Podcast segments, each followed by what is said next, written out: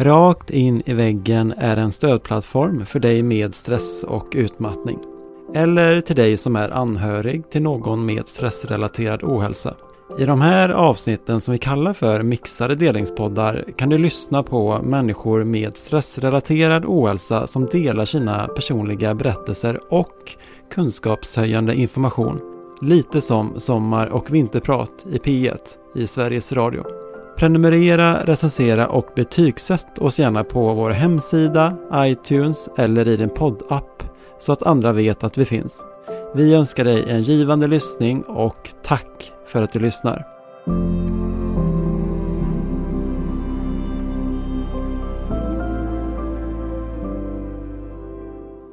Jag hade det ganska jobbigt hemma och stundtals också ganska jobbigt i skolan.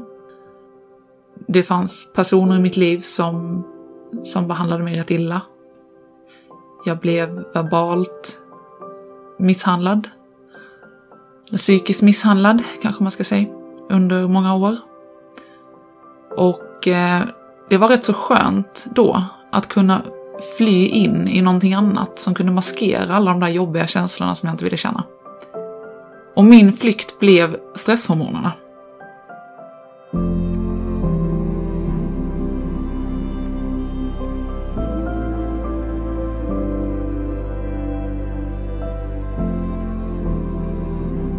Jag var en toppstudent vid Handelshögskolan i Stockholm som hade hela livet och en lovande karriär framför mig. Kort efter att jag fyllt 24 år så förändrades dock allt. Jag hade kämpat i månader med en extrem morgontrötthet och plötsligt en dag kunde jag inte längre ta mig upp ur sängen. Innan jag ens hade fyllt 30 år befann jag mig alltså i det värsta hälsotillstånd jag någonsin upplevt. Idag är jag 31 år och befinner mig istället i det bästa hälsotillstånd jag någonsin upplevt. Och jag kan kalla mig 100% återställd från min utmattning. Där och då så levde jag ett väldigt stressigt liv på andras villkor. Jag visste nog inte ens vem jag egentligen var, för jag hade aldrig fått chansen att utforska det. Mitt liv och min livsbana var lite grann redan utstakad för mig. Jag var ett snabblärt barn och eh, fick mycket uppmärksamhet från de vuxna i min närhet på grund av det. Jag lärde mig snabbt att det här med eh, prestationer eh, blir, man, blir man väldigt bekräftad för. Eh, jag lärde mig läsa och skriva fort och när man väl ble, började bli betygsatt eller få guldstjärnor i skolan så fick jag väldigt många. Eh, och jag fick väldigt bra betyg. Och det kändes härligt att bli sedd i det. Jag formade ganska snabbt en prestationsdriven självkänsla. Och jag hade det ganska jobbigt hemma. Och stundtals också ganska jobbigt i skolan. Eh, det fanns personer i mitt liv som, som behandlade mig rätt illa. Eh, jag blev verbalt misshandlad psykiskt misshandlad, kanske man ska säga, under många år. Och eh, det var rätt så skönt då att kunna fly in i någonting annat som kunde maskera alla de där jobbiga känslorna som jag inte ville känna. Och min flykt blev stresshormonerna. Jag blev beroende av mina egna stresshormoner.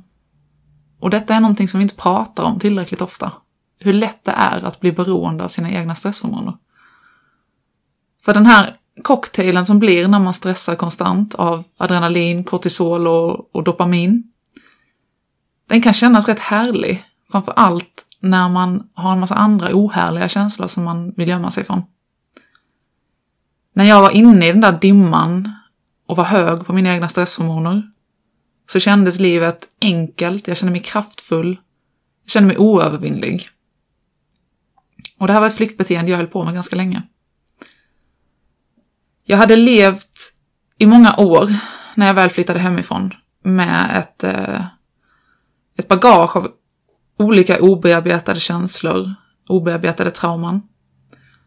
Och jag hade med mig ett, eh, ett kroniskt låggradigt triggat nervsystem som gjorde att jag konstant var lite på min vakt. Jag kände mig aldrig riktigt trygg i min egen kropp, kände mig inte trygg i världen.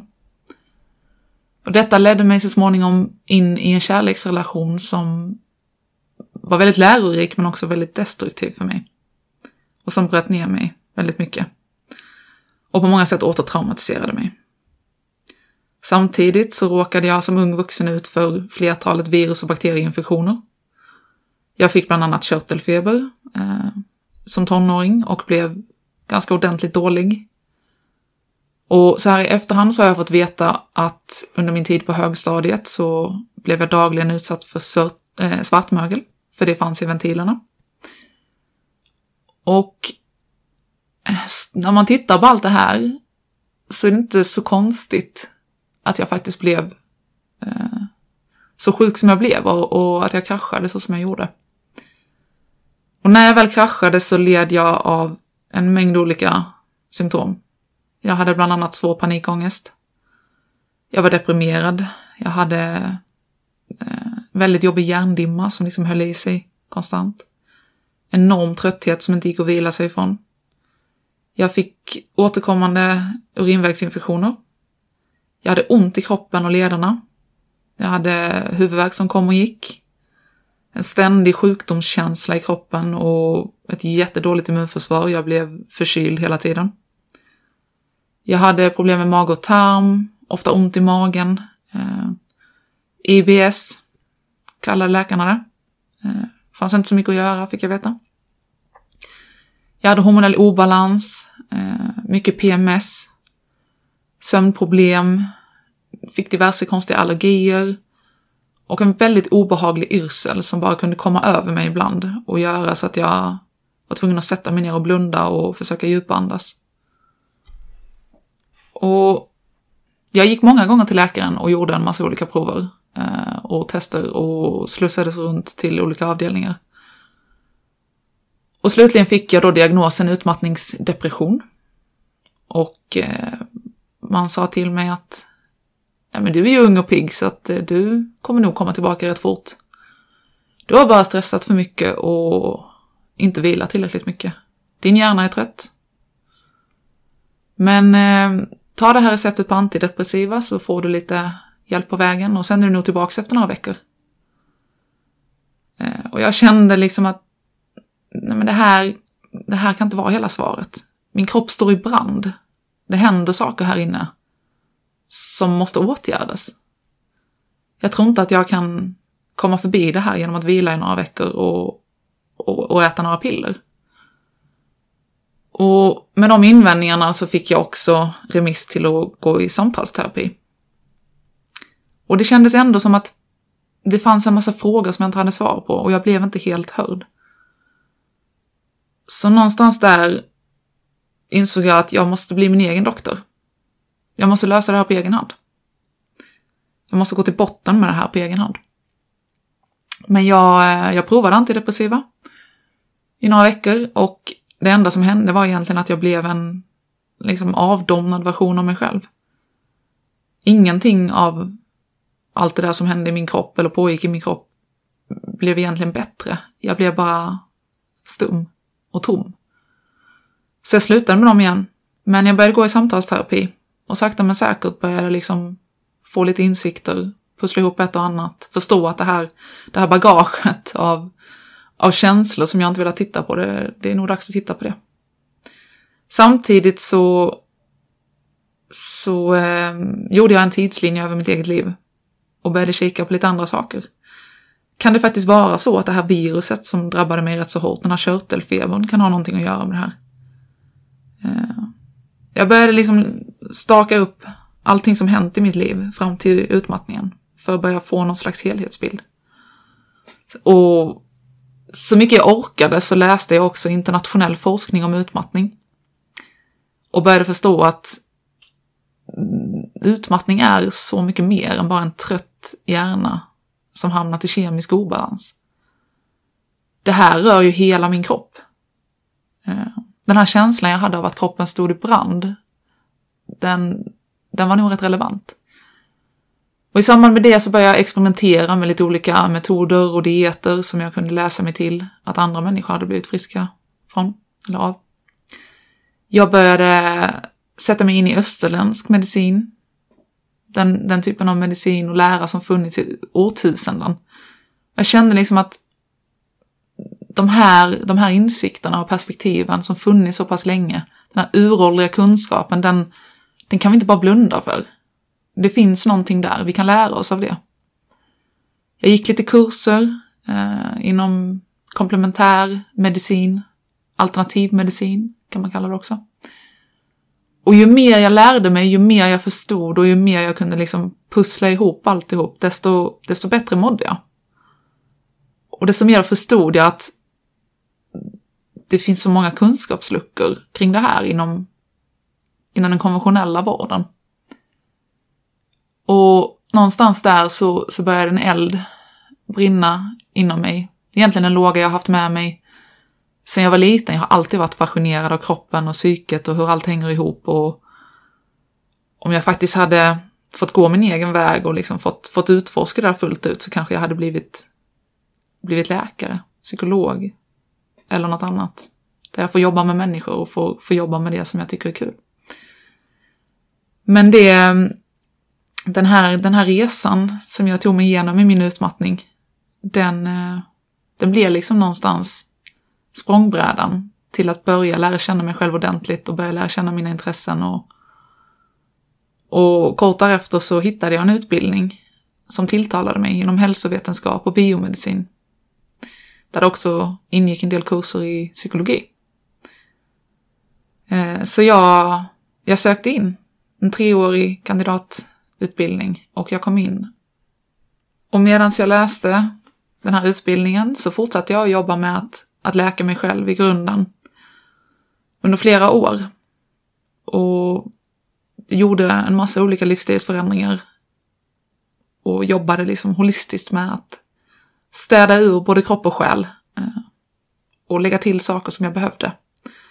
Slutligen så, eh, så blev jag nästan som en ny version av mig själv och eh, började så sakteligen må bättre än jag någonsin gjort tidigare. Eh, om man ska titta på det här, de här insikterna som jag har fått med mig från min egen resa, så eh, kan vi börja med att fundera lite kring den här traditionella västerländska skolmedicinska synen på utmattning. För den tåls att ifrågasättas. Den här modellen eh, som används i vården idag när man pratar om utmattning, den, den bygger mycket på den här teorin om, om signalsubstanser och om, om kemiska obalanser i kropp och hjärna.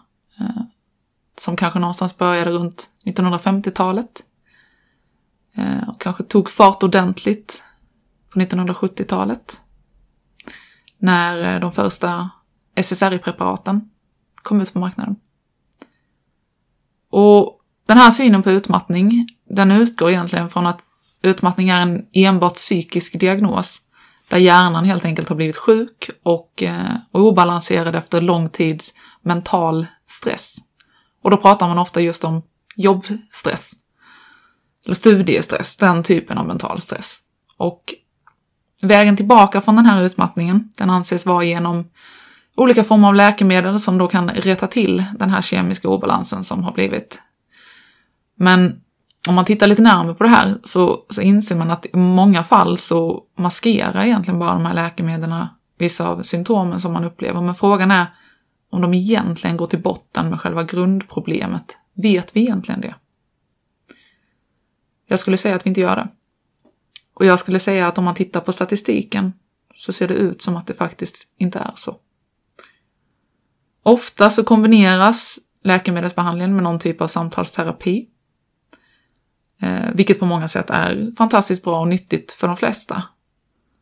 Men om man som jag till exempel har trauman som, som faktiskt sitter i kroppen, som sitter i nervsystemet, som skapar den här konstanta liksom, otryggheten i världen och så vidare. Då räcker det inte alltid att prata, för man kan inte prata sig förbi saker som sitter fysiskt i kroppen.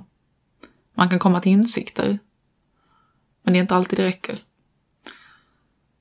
Och efter den här typen av behandling så börjar man ofta med någon sorts arbetsträning.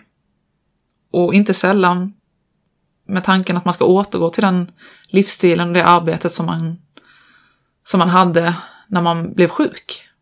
Och i mina öron så låter det här lite som galenskap. Att man blir ordentligt sjuk för att man har levt på ett visst sätt. Och hur kan då behandlingen utgå ifrån, eller vara baserad på att man ska träna på att gå tillbaka till det livet? Jag tycker inte att det känns rimligt. Och om man då tittar på vad utmattning egentligen är, eh, utifrån vad jag har fångat upp under min resa och kommit fram till genom, genom de åren som jag spenderat i att faktiskt läsa internationell forskning, titta på den här uråldriga österländska traditionella medicinen och, och integrera de här synsätten. Då inser man att utmattning är faktiskt ett väldigt komplext och ofta mångfaktoriellt tillstånd. Det finns en hel del forskning kring det här som, som vi inte riktigt pratar om i vården idag. Jag tror faktiskt ärligt talat inte att läkarna hinner, eh, hinner läsa så mycket ny forskning vid sidan om allt annat de har att göra. De är så hårt pressade. Men det kommer mer och mer forskning som tittar på det här och som inser att en långvarig utmattning, det är inte ett tillstånd som man kan vila sig ifrån. Utan man måste se till mer underliggande mekanismer. Och inom den österländska medicinen så, så förstår man att vi människor, vi är mer än bara en hjärna. Vi har en kropp. Vi har, om man vill kalla det en själ, eh, vi har ett medvetande. Och allt det här hänger ihop. Man kan liksom inte separera de olika delarna för att de är, de är sammankopplade och de påverkar varandra. Och någonting jag också har lärt mig genom att studera österländsk medicin och läsa internationell forskning, det är att långtids psykisk stress har fysiska effekter i hela kroppen. Det påverkar inte bara vår hjärna, det påverkar alla system och organ i vår kropp. Och framförallt så hämmar det vår motståndskraft. Det sänker vårt immunförsvar. Vi påverkas inte heller bara av den stressen vi upplever här och nu, utan även av stress från vårt förflutna. Som sagt, det som faktiskt sitter i kroppen. Trauman, känslor vi har förträngt, som behöver tittas på. Och sist men inte minst så är det så att varje utmattning är unik och varje individ har unika förutsättningar.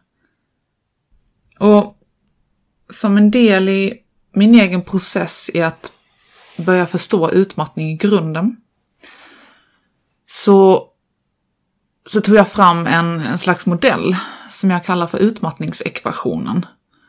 Som liksom fångar in alla de här olika aspekterna som faktiskt tillsammans är med och bidrar till att man kan hamna i den situationen. Och det fångar in just det här holistiska som den österländska mer traditionella medicinen pratar om. Det fångar in de här nyanserna som vi ser om vi tittar på, eh, på forskningen.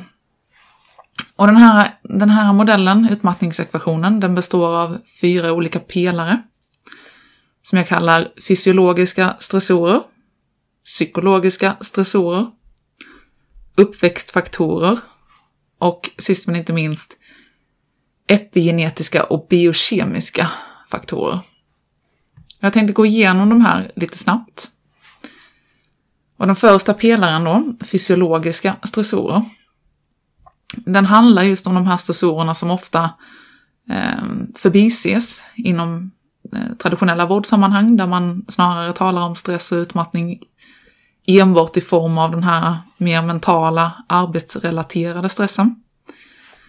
De fysiologiska stressorerna, det är sådana typer av stressorer som till exempel utlöses eller som härrör från sjukdomsalstrande infektioner, bakterier och virus. Ehm, eller diverse toxiner, till exempel svartmögel som jag eh, utsattes för i flera år. Diverse kemikalier eh, och andra hälsovårdliga substanser.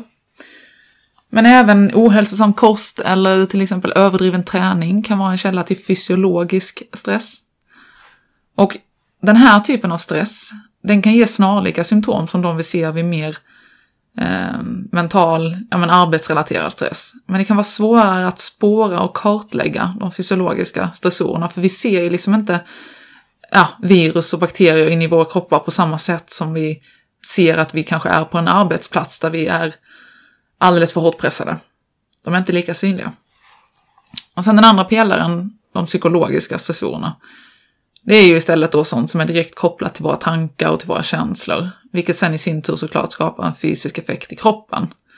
Och då kan det ju till exempel vara det här med att man har för mycket att göra på jobbet, eh, eller till exempel att man har relationer på jobbet som inte funkar, det kan vara väldigt psykologiskt stressande. Men vad som upplevs psykologiskt stressande, det är väldigt individuellt och det beror på en rad olika personliga faktorer. Ehm, och det kan också handla om till exempel att man kanske förlorar någon närstående, att man går igenom ett uppbrott, eller lever i en destruktiv relation, som jag också gjorde under några år. Det kan också handla om vardagliga saker som att man jämför sig med andra via sociala medier eller att man är ständigt uppkopplad och tillgänglig. Det är som sagt lite individuellt hur och vad som stressar psykologiskt. Och så kommer vi till de här uppväxtfaktorerna. Och det här är en otroligt viktig aspekt när det kommer till utmattning och till stress. Eh, för vårt nervsystem, det formas ju till stor del utifrån vad vi var med om när vi var små. Och några viktiga frågor som man kan ställa sig för att ta reda lite på om det finns uppväxtfaktorer i ens liv som, som faktiskt bidrar till att man är utmattad. Det är, kände jag mig trygg som liten? Var alla mina känslor okej okay att känna och visa? Upplevde jag att mina vårdnadshavare mötte mina behov? Blev jag villkorslöst älskad? Eller kändes det som att jag bara dög när jag presterade? Har man växt upp i en miljö där man till exempel kanske har känt sig otrygg eller inte speglade sina känslor eller osäker på tillgången till närhet och kärlek, ja då löper man större risk att drabbas av utmattning senare i livet. Och den sista pelaren, de här epigenetiska, eh, eller genetiska och biokemiska faktorerna, det är också en viktig del. Eh, för att vi är ju alla unika, även rent biokemiskt. Och hur vårt nervsystem kommer reagera på olika psykologiska stressfaktorer, det beror ju inte enbart på hur vi hade det när vi växte upp, utan det beror ju också lite på våra unika biologiska förutsättningar. Och på samma sätt så påverkar ju våra unika biologiska förutsättningar hur vi hanterar den här fysiologiska stressen, till exempel virus och toxiner. Vissa individer utvecklar till exempel lättare olika inflammatoriska tillstånd, medan andra kanske har svårt att avgifta kroppen från olika toxiner för att levern har problem med antingen fas 1 eller fas 2 avgiftningen. Och somliga föds också med ett mer finkalibrerat nervsystem Eh, som bearbetar och tar in stimuli på en mer komplex nivå. Det kallas ofta högkänslighet, ett begrepp som säkerligen flera av er har stött på och som jag också stötte på när jag var utbränd och insåg att jag, att jag är, jag är högkänslig. Och det är någonting som jag behöver ta hänsyn till i hur jag väljer att leva mitt liv. Sen så är det också så att det är, det är möjligt för mamman att överföra gifter, bakterier och virus till barnet under graviditet och vid födsel. Så det är också en sån här, eh, ja men, kanske inte kan kalla det epigenetisk effekt, men det är liksom, det är inte bara att vi ärver ett uppslag i gener, utan vi kan också, vi kan också faktiskt ärva, vi kan ärva trauman till viss del rent epigenetiskt, och vi kan ärva virus och sånt som våra föräldrar bär på. Så man kan faktiskt födas med en, en liksom virusbörda i kroppen. Och sen så kommer vi också samla på oss en massa virus genom livet på egen hand. Och samma sak med, med vissa typer av toxiner och så. Och jag tog också fram en, eh, en annan modell för att, för att få lite mer klarhet och lite mer helhetssyn på det här med utmattning. Eh, och den här modellen innebär egentligen att jag har delat upp utmattning i olika kategorier för att det finns olika sorters utmattning. Och den första, den kallar jag för primär mental utmattning. Och det här är egentligen den, den klassiska utmattningen, den som man pratar om i vårdsammanhang. Och den som härstammar från ett överskott av framförallt mental stress. Till exempel då om man har mycket på jobbet eller eh, pluggar heltid och, och, kanske gör en massa andra saker. Eh, och Lider man av den här utmattningen, då har man kanske egentligen inte några större underliggande problem. Kanske inte har så mycket obearbetade trauman i bagaget. Man kanske inte har så stor börda av virus och toxiner och så vidare i kroppen. Ehm, man kanske har med sig en del destruktiva tankar och beteendemönster, men inte så mycket annat egentligen.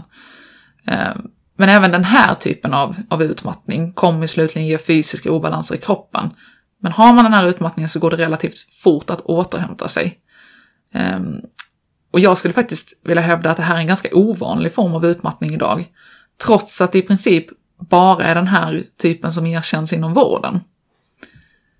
Och nästa form av utmattning, den kallar jag för primär emotionell utmattning. Och den här utmattningen är mer kopplad till vårt känslojag. Och den här stammar från emotionellt prövande händelser eller episoder i våra liv. Och då kan det till exempel röra sig om, som jag nämnt innan, att leva i en destruktiv relation, förlora en närstående, att gå runt med negativa, obearbetade känslor, leva med otrygghet på olika sätt. Det är enormt slitsamt för kroppen att gå runt med det på lång sikt. Och det här kommer också över tid leda till fysiologiska obalanser i kroppen. Och sen så har vi en utmattning som jag kallar primär fysisk utmattning. Och den har egentligen ingenting att göra med varken mental eller emotionell stress. Utan den härstammar från fysiologiska stressorer som jag pratade om innan, men som också kan ge psykologiska symptom. Och den är som sagt svårare att identifiera och förstå för den är lite mer abstrakt i sin natur. Det är inte lika tydligt hur man ska härleda var stressen kommer ifrån eller var symptomen kommer ifrån. Men det kan röra sig om att man under lång tid har ätit en näringsfattig dålig kost som har skapat problem i kroppen på insidan. Det kan röra sig om att man har diverse virus och bakterieinfektioner under ytan som skapar problem inne i kroppen. Att man kanske har exponerats för toxiska ämnen under lång tid, kemikalier, man kanske har ett jobb där man utsätts för mycket kemikalier, man kanske har levt i ett mögeldrabbat hus under lång tid eller fått i sig tungmetaller av olika slag eh, och så vidare. En kombinerad effekt av mycket samtidigt kan det också vara. Det kan också vara så att man har tränat på elitnivå under lång tid och slitit ut kroppen rent fysiologiskt. Då kan man hamna i en utmattning och man kan få ångest och man kan bli trött och man kan eh, få hjärndimma och alla de här symptomen. Men det kan alltså handla om rent fysiologiska underliggande orsaker. Och den här typen av utmattning, den behandlas och eh, vad ska man säga, diagnostiseras inom vården som någonting psykiskt. Och det är samma behandlingsupplägg där, man får samtalsterapi, man erbjuds antidepressiva, men det kommer såklart inte fungera om det faktiskt är så att man, att man har virus och toxiner och äter en felaktig kost. För man kan inte prata sig ifrån de sakerna, utan det måste man hantera på annat sätt. Och den sista typen av utmattning som jag tänkte nämna här, den kallar jag för flerfaktoriell utmattning. Och jag menar på att det här egentligen är den vanligaste sorten. Och tråkigt nog en sort som man inte riktigt erkänner inom vården idag, eller inte förstår sig på eller inte pratar om. Och den härstammar helt enkelt från en mix av alla de här olika faktorerna, fysiska, emotionella och mentala grundorsaker. Det kan till exempel vara så att man precis som jag eh, både har en prestationsdriven självkänsla och jobbar för mycket och samtidigt så har man virus och toxiner i kroppen som man inte har hanterat och så kanske man har obearbetat trauma så man hamnar i en massa situationer som stressar en psykologiskt. Det kan vara en cocktail av olika saker.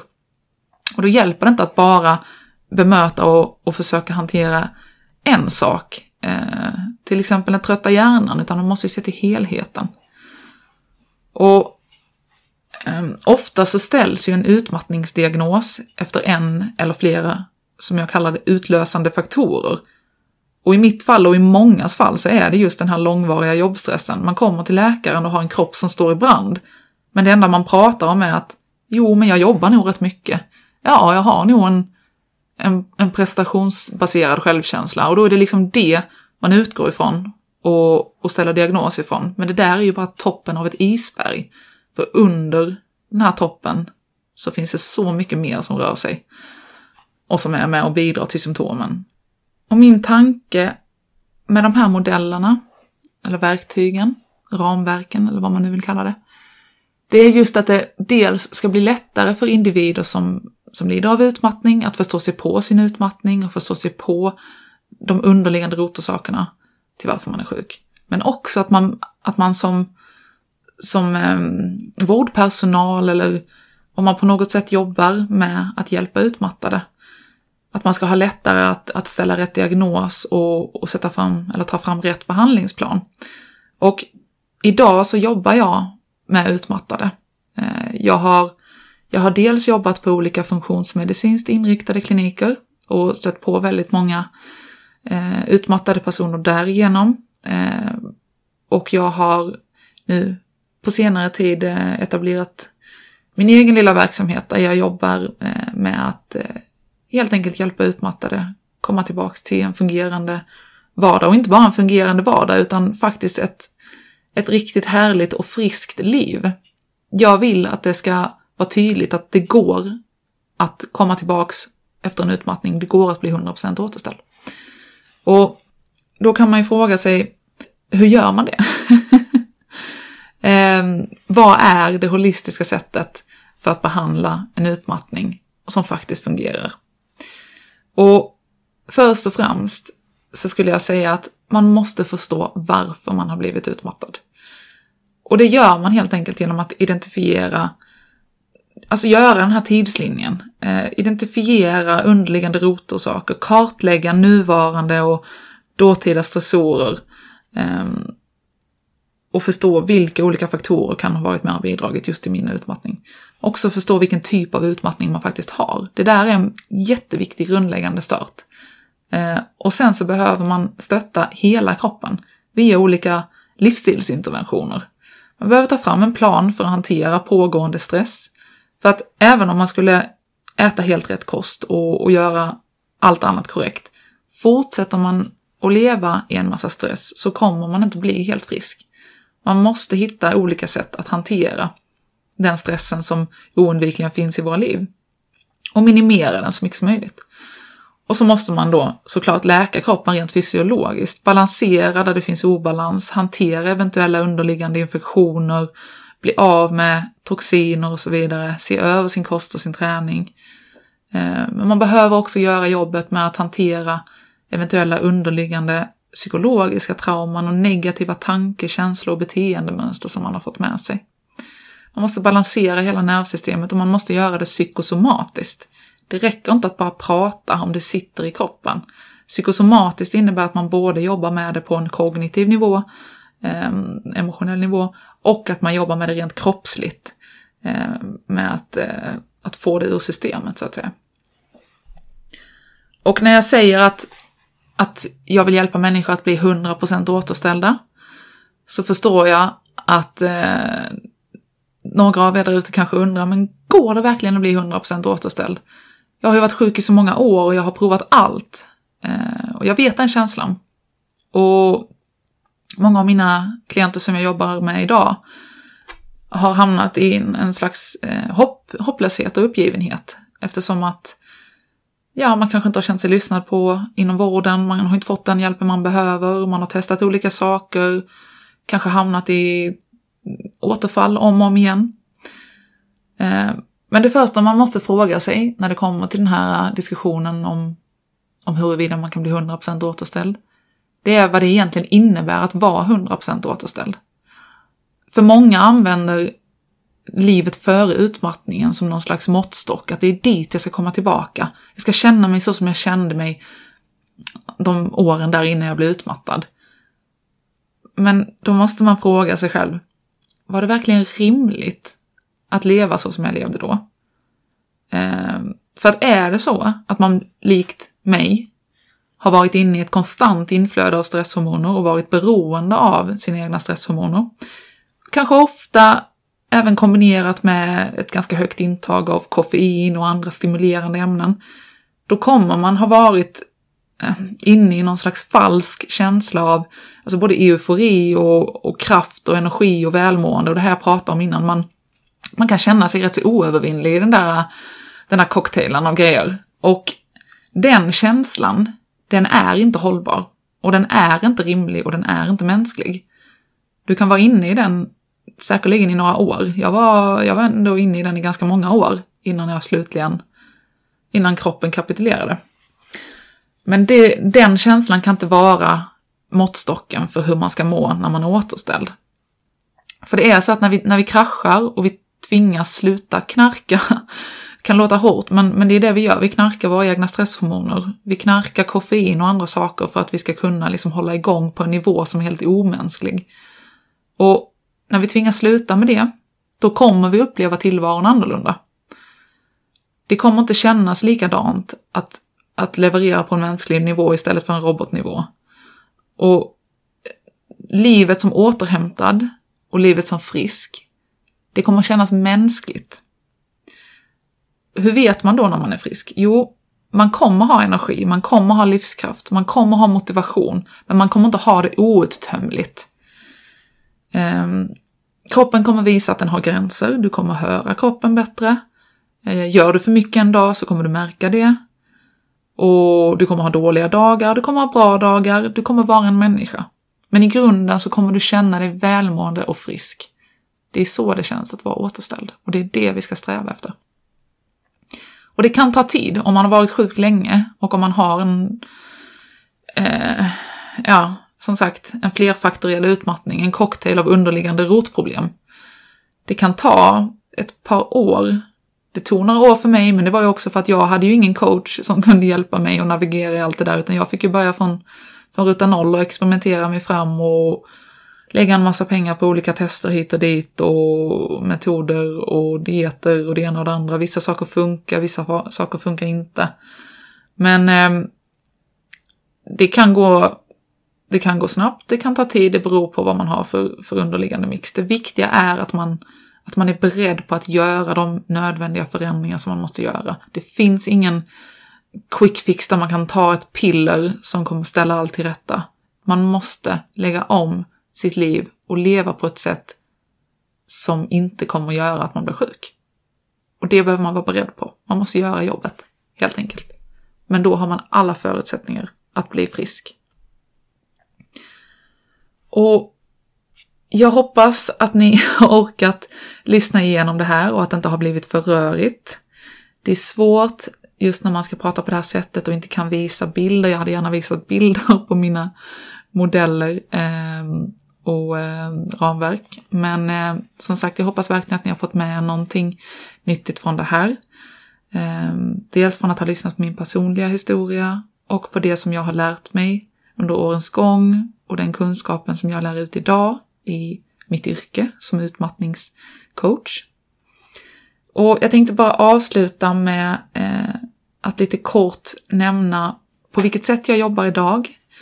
Och då är det så att dels så håller jag på med, med coachning, one-to-one coachning, det vill säga jag tar emot klienter, enskilda klienter som jag som jag, eh, jag hjälper dem med den här resan, att göra kartläggningen och tidslinjen och förstå sig på allt det här och att sen eh, ta fram en plan för hur man ska komma tillbaka.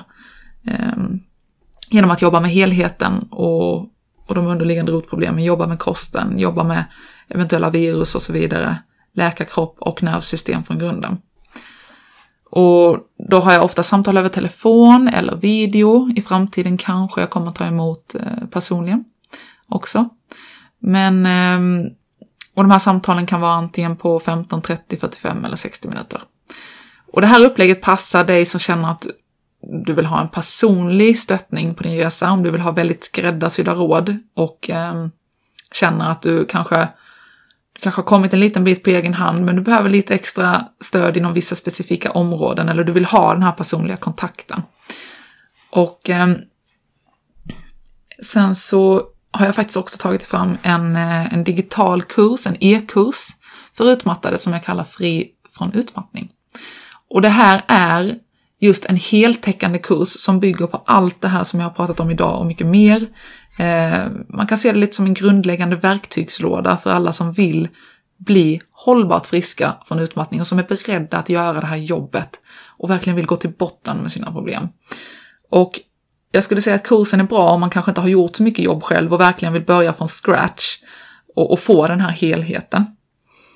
Eh, och eh, den består av inledningsvis lite kortare föreläsningar följt av olika övningar och riktlinjer. Man kommer få recept, och hur man ska tänka kring kosten och en guideline utifrån vilka symptom man har och vilka tillskott som skulle kunna hjälpa och så vidare.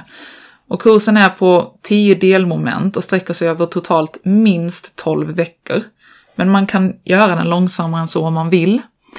Eh, så det finns ingen liksom tidsbegränsning eller tidspress. Man kan köpa kursen när som helst och sen så gör man den enskilt, individuellt hemifrån via sin dator. Så det är ingen så här gruppgrej och det finns inga deadlines man ska hålla utan man gör den i sin egen takt. Man påbörjar den när man vill. Ehm, men minst 12 veckor tar det just för att man ska få till den här livsstilsförändringen på riktigt. Man ska inte gå för fort fram. Och jag vill erbjuda er som har lyssnat på den här podden eh, lite rabatt både på min e-kurs och om man vill boka coachning hos mig. Så eh, genom att använda rabattkoden POD2023, eh, podd med stora bokstäver, så får man 20% på min onlinekurs. Och vill man boka coachning hos mig så får man också 20% på upp till två samtal. Och då kan de vara antingen 15, 30, 45 eller 60 minuter beroende på vad man behöver. Vill ni veta mer om det här så är det bara att gå in och läsa på min hemsida eller på min Instagram och det går också jättebra att boka in ett helt kostnadsfritt samtal med mig, det vill säga helt gratis, eh, som jag kallar ett introsamtal. Och de brukar vara på runt 20 minuter och då kan vi diskutera lite mer just eh, hur din utmattning ser ut och eh, vad som skulle vara det optimala upplägget för dig om du inte vet ifall kursen eller coachning skulle vara bäst. Eller om du bara vill ställa lite frågor och ja, se lite hur du ska tänka. Så tack för att ni var med mig idag och lyssnade på den här podden. Jag är jätteglad att jag fick vara med och berätta om min personliga resa och dela med mig av min kunskap och de verktyg som har hjälpt mig att bli 100% återställd och som har hjälpt mina klienter. Jag har idag jobbat med över 100 unika personer och blir lika glad i själ och hjärta varje gång som jag får se ännu en person ta makten över sin egen hälsa och bli frisk på riktigt och hållbart från sin utmattning. Ta hand om er allihopa. Vi har varandra, glöm inte det. Vill du också medverka i Rakt in i väggens podcast? Besök vår hemsida för mer information på www.raktinivaggen.com medverkan. Om du vill tipsa oss om en poddgäst eller om du har en fråga eller synpunkt på det vi gör kan du alltid mejla oss på podcast raktinivaggen.com för att få svar. Tack för att du lyssnar.